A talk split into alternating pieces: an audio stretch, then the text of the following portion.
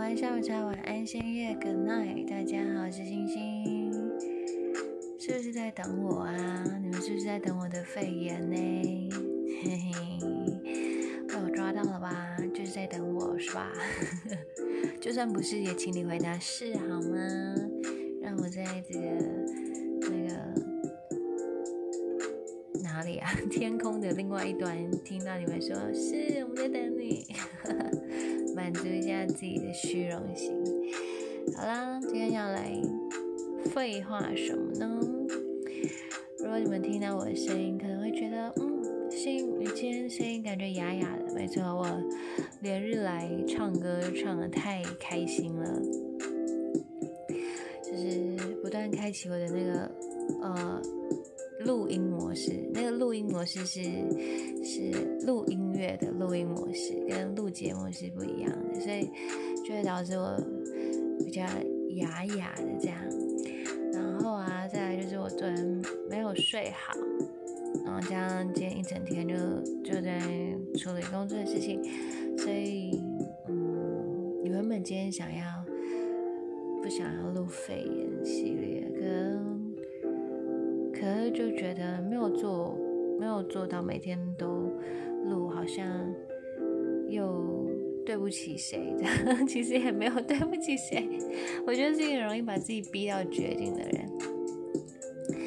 好，今天我们要讲的是呢，嗯，叫做未尽之事 （unfinished business），unfinished business。好，未尽之事这个词呢，是来自于心理学。好，那心理学也可以运用在辅导智商当中，它是完形学派当中 Pierce 提出来的一个说法。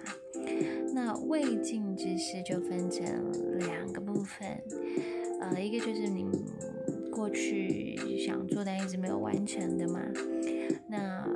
事物就是你应该要去做的那件事情，所以未尽之事，简单来讲就是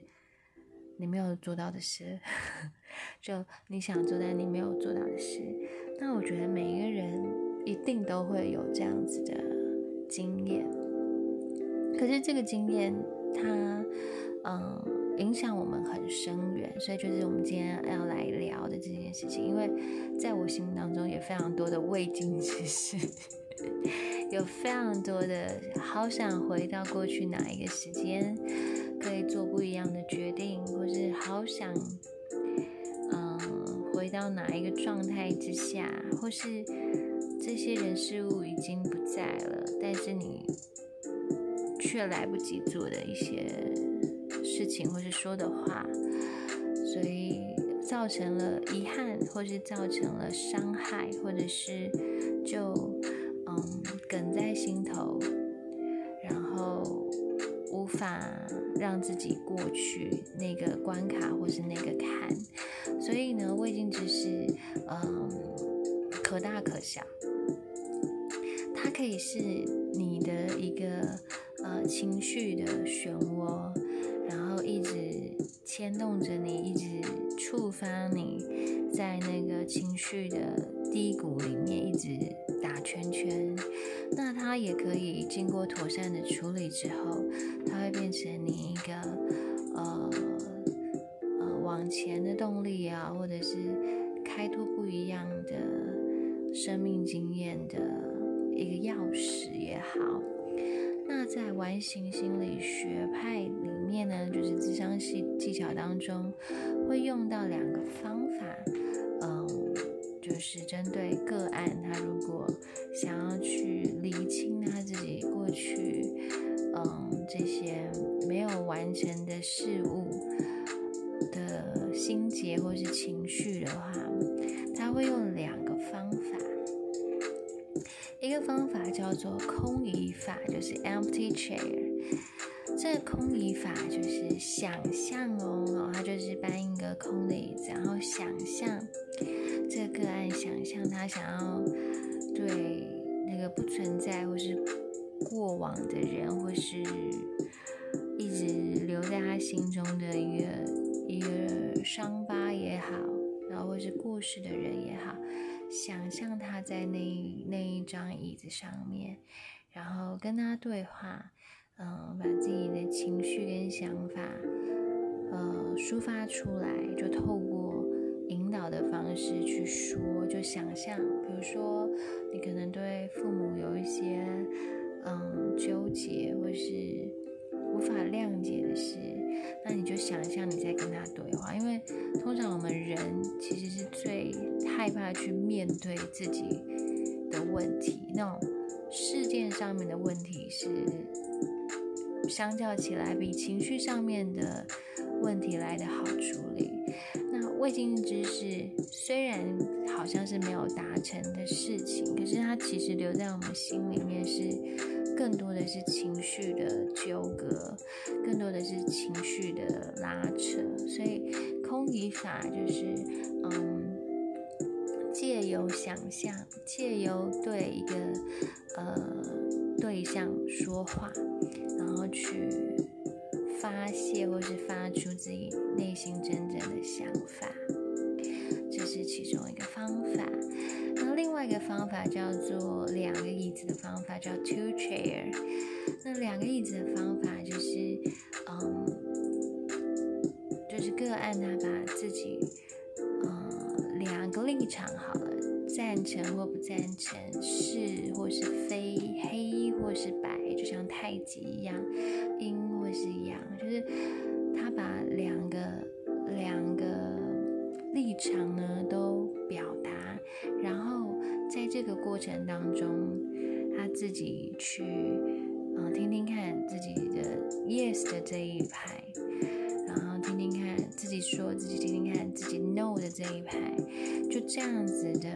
呃方式去理清他整个的嗯思想的脉络跟他情绪的纠结。啊，心刚刚这一番言论不是我自己乱编的，是真的是来自心理学的一个学知识，跟大家分享。那既然学知识呢，嗯，无论自己，无论大家是不是相关背景出身，或者是，嗯。不是相关背景出身啦，不是出身相关背景的学经历也好，或者是看很多很多大量的书也好，或是我们就是嗯听不同人的经验分享，我觉得其实在理解程度上面，嗯，我觉得现在普遍的人来说，接受资讯的能力都很强。可是我们要怎么样化这个知识转为真正实际去做的力量？这就是接下来我要谈的。呃，为什么我今天突然没来由的想到胃镜知识这个主题呢？就我一直一直觉得啊，嗯，我是一个很念旧的人，然后也是一个时常把自己裹在包裹在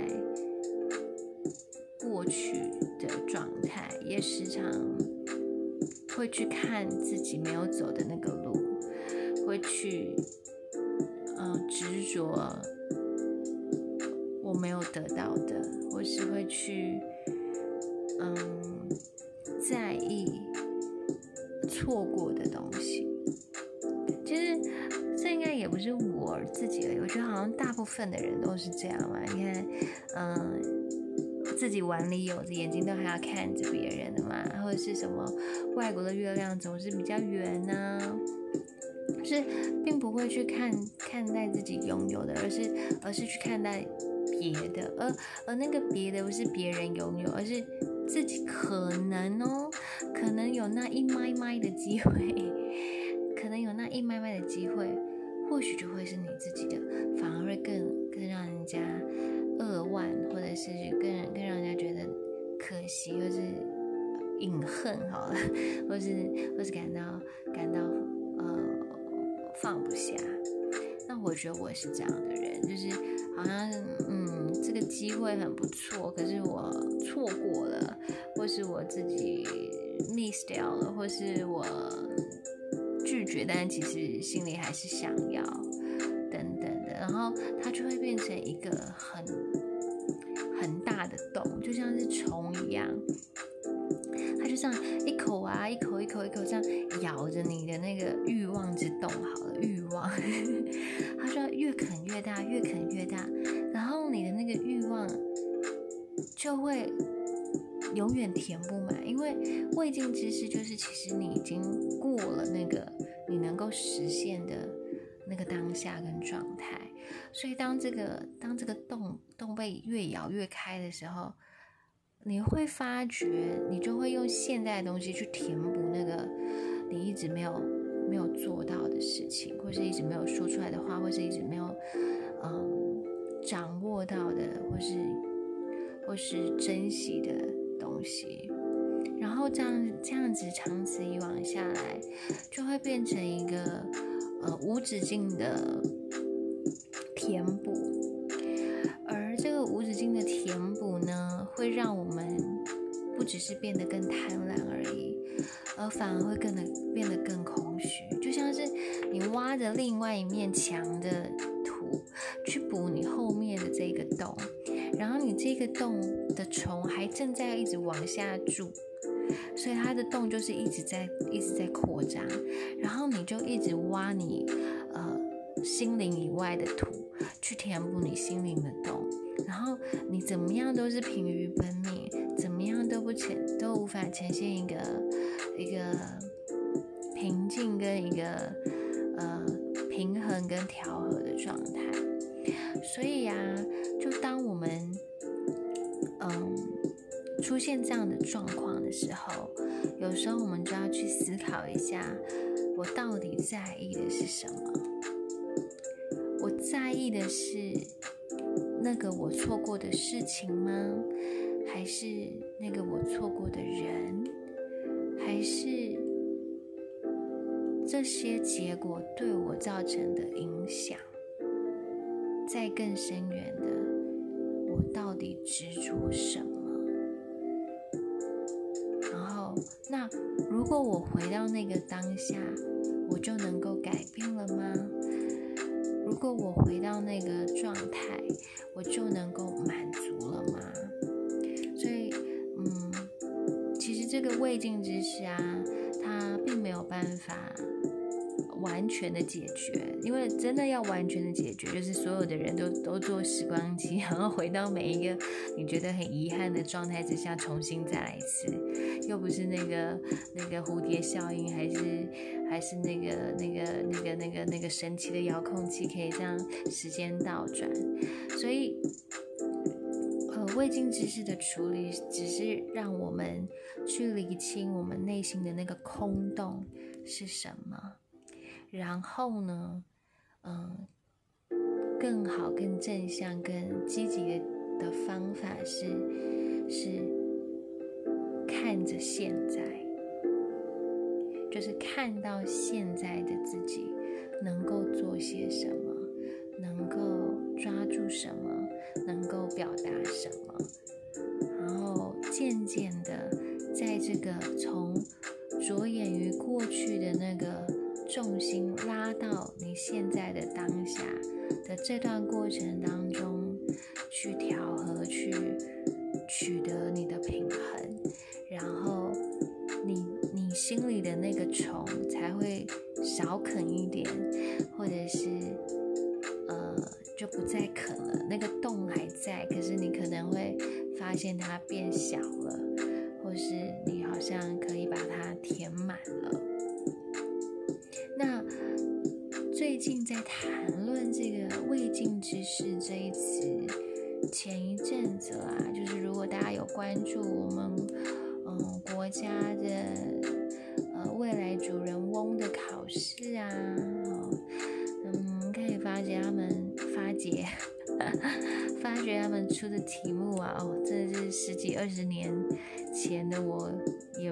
写出来的吧。就是也跟大家分享一下，因为我觉得我有时候会会会东看西看看新闻，会看到一些很有趣的考题，然后来想想看，天哪，我这三字头大人会不会也写不出来？好，就是前阵子呢，嗯，就是那个国中吧，国中的嗯会考的题目是不是？国中会考题目，他有讲到一个叫做呃未未完成还是未达成、未成功的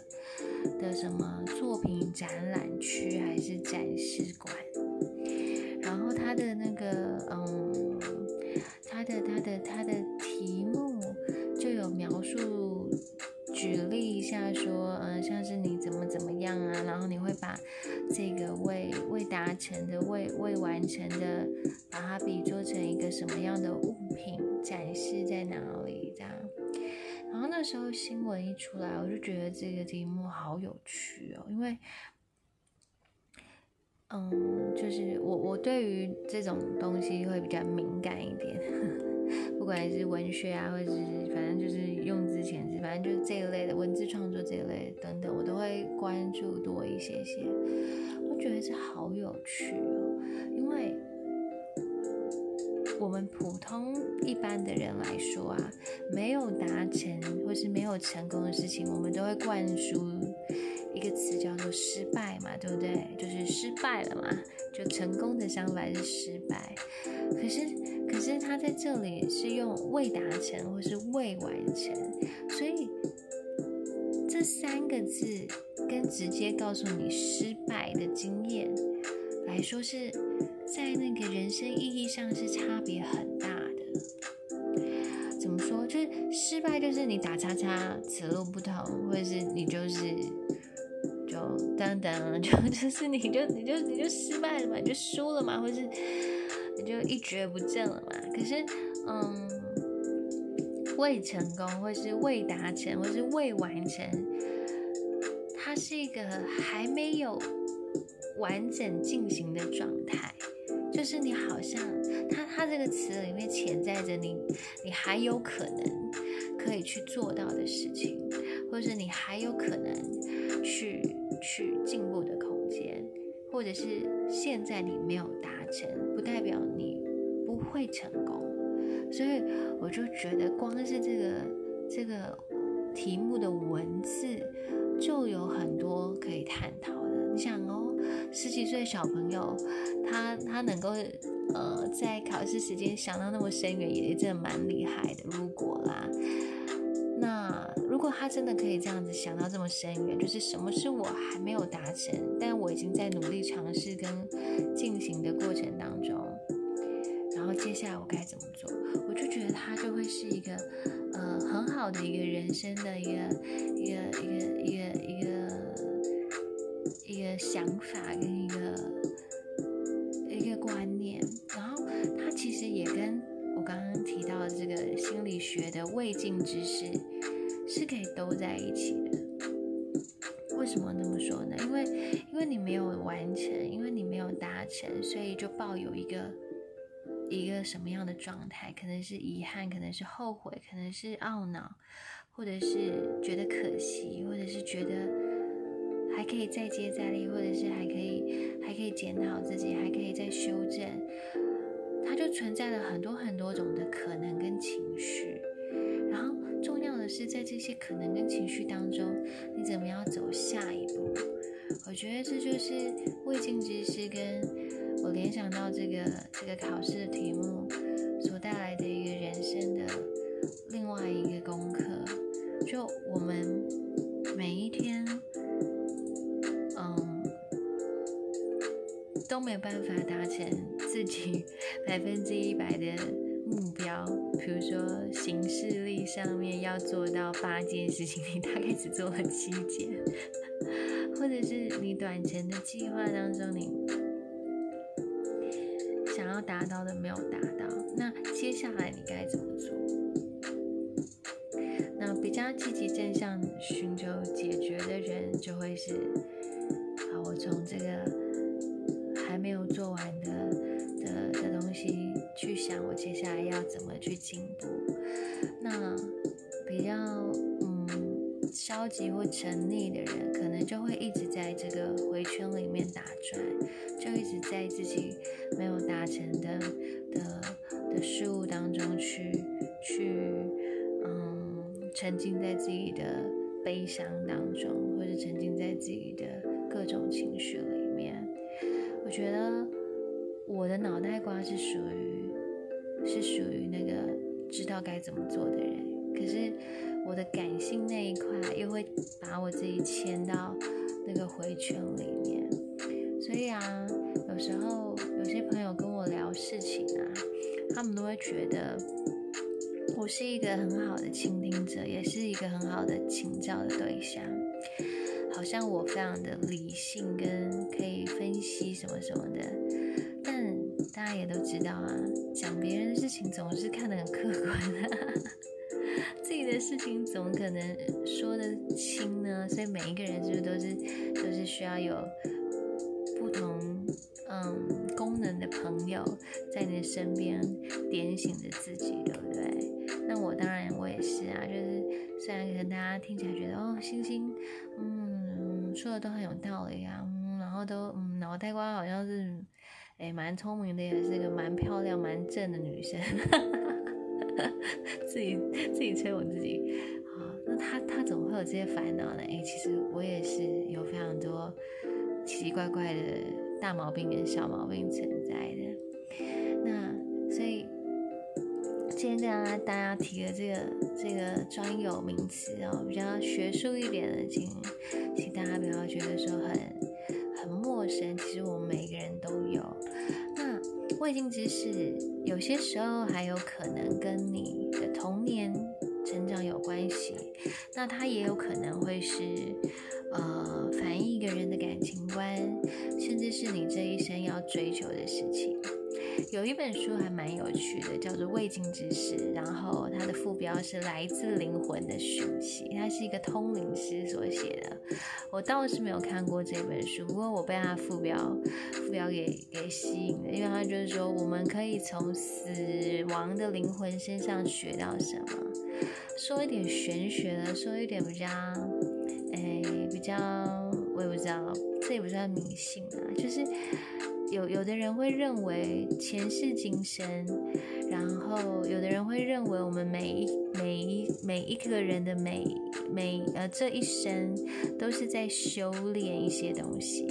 那你修炼成功，你到了下一世之后，你的功课就会是别的。但如果你你在这一世没有修炼成功，你就会一直不断碰到大大小小很类似的事件。其他都是在考验你，你要修炼的某一个功课。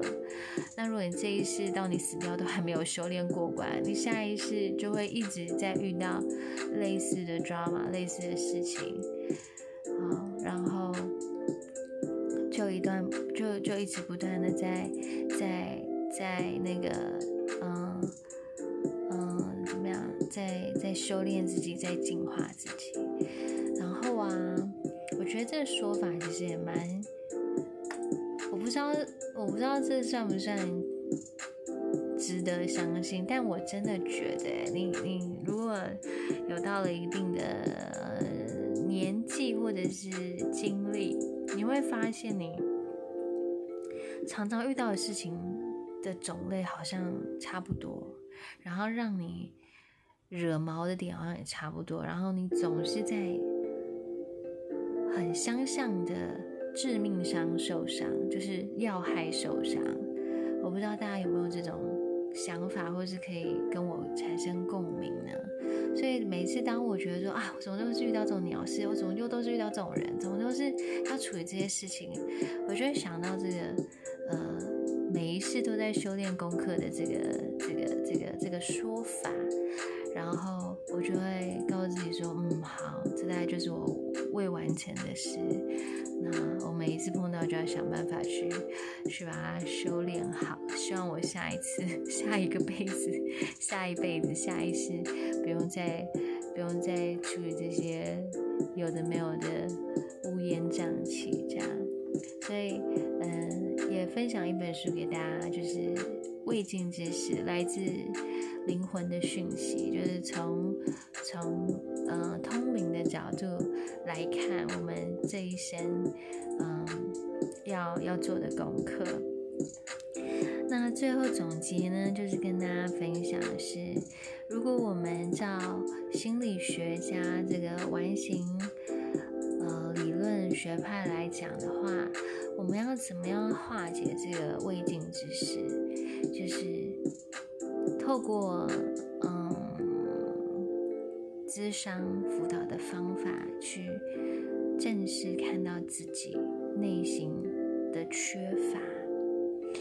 但是因为我没办法回到过去，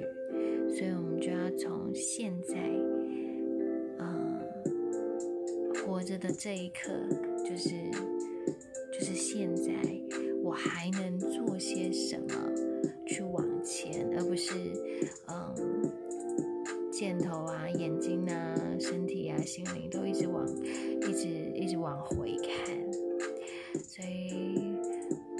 在跟你们录这个碎碎念的同时，我其实也是，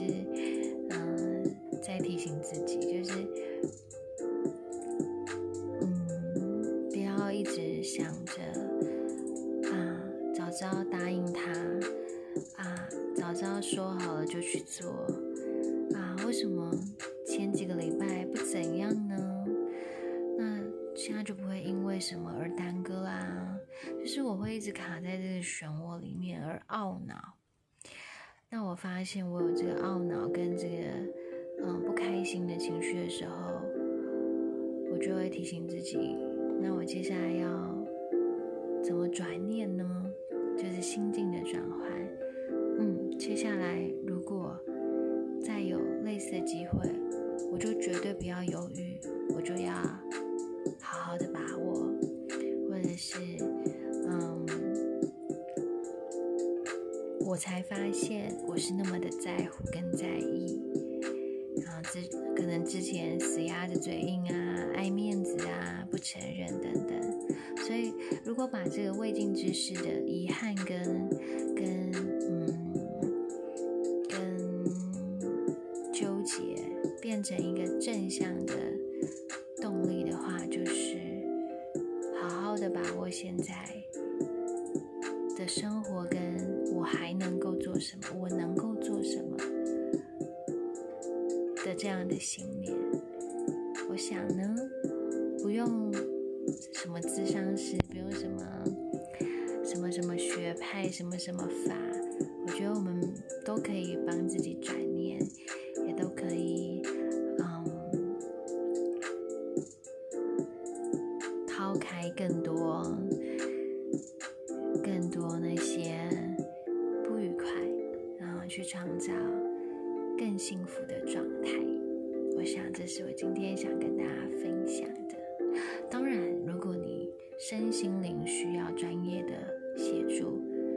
请你要好好的爱惜自己，有病视感，去寻求专业的帮助。先有跟大家讲，这个不是可耻可悲的事情，因为我就有过这样的经历，所以